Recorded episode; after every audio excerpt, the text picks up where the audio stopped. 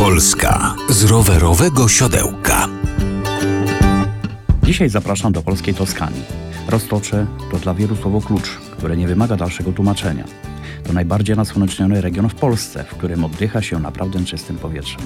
Dla większości jednak to mało znana kraina geograficzna łącząca Wyżynę Lubelską z Podolem. Tędy nie bez powodu przebiega słynny szlak rowerowy Greenvelo. Namawiając do rowerowej wycieczki po tym uroczym zakątku Polski, wiem, a nawet jestem pewien, że będzie to niezapomniana przygoda. Szczebrzeszyński Roztoczański Park Narodowy czy Park Krajobrazowy Puszczy Solskiej, po którym wiją się kilometry ścieżek rowerowych, to przyrodnicze perełki, które w niczym nie ustępują najbardziej znanym i promowanym parkom w rejonie Biebrzy czy Borów Tucholskich.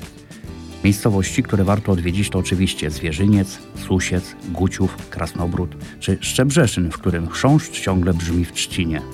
Szlaki rowerowe zaprowadzą nas na szlak szumów w rezerwacie na Tanwią, jedną z najczystszych rzek Roztocza. Woda, meandrując po skalnych progach, tworzy malownicze wodospady. Wizytę w tym rejonie możemy także połączyć ze spływem kajakowym, a na nocleg w agroturystyce wręcz namawiam. Rowerowe ścieżki. Znane i nieznane. W całym regionie jest sporo kwater prywatnych i gospodarstw agroturystycznych, więc nie musimy martwić się o nocleg. Rowerem bardzo łatwo dojedziemy do wielu atrakcji, które koniecznie należy zobaczyć. Wąwozy w okolicach Szczebrzeszyna, kościół na wodzie w Zwierzyńcu czy zagroda Guciów to zaledwie cząstka tego, co nas czeka. Jeżeli jednak zatęsknimy za zgiełkiem miasta, skierujmy się na Zamość. Miasto twierdza wpisane na listę Światowego Dziedzictwa UNESCO wciąga bez reszty. Tutaj możemy spędzić kolejne kilka dni.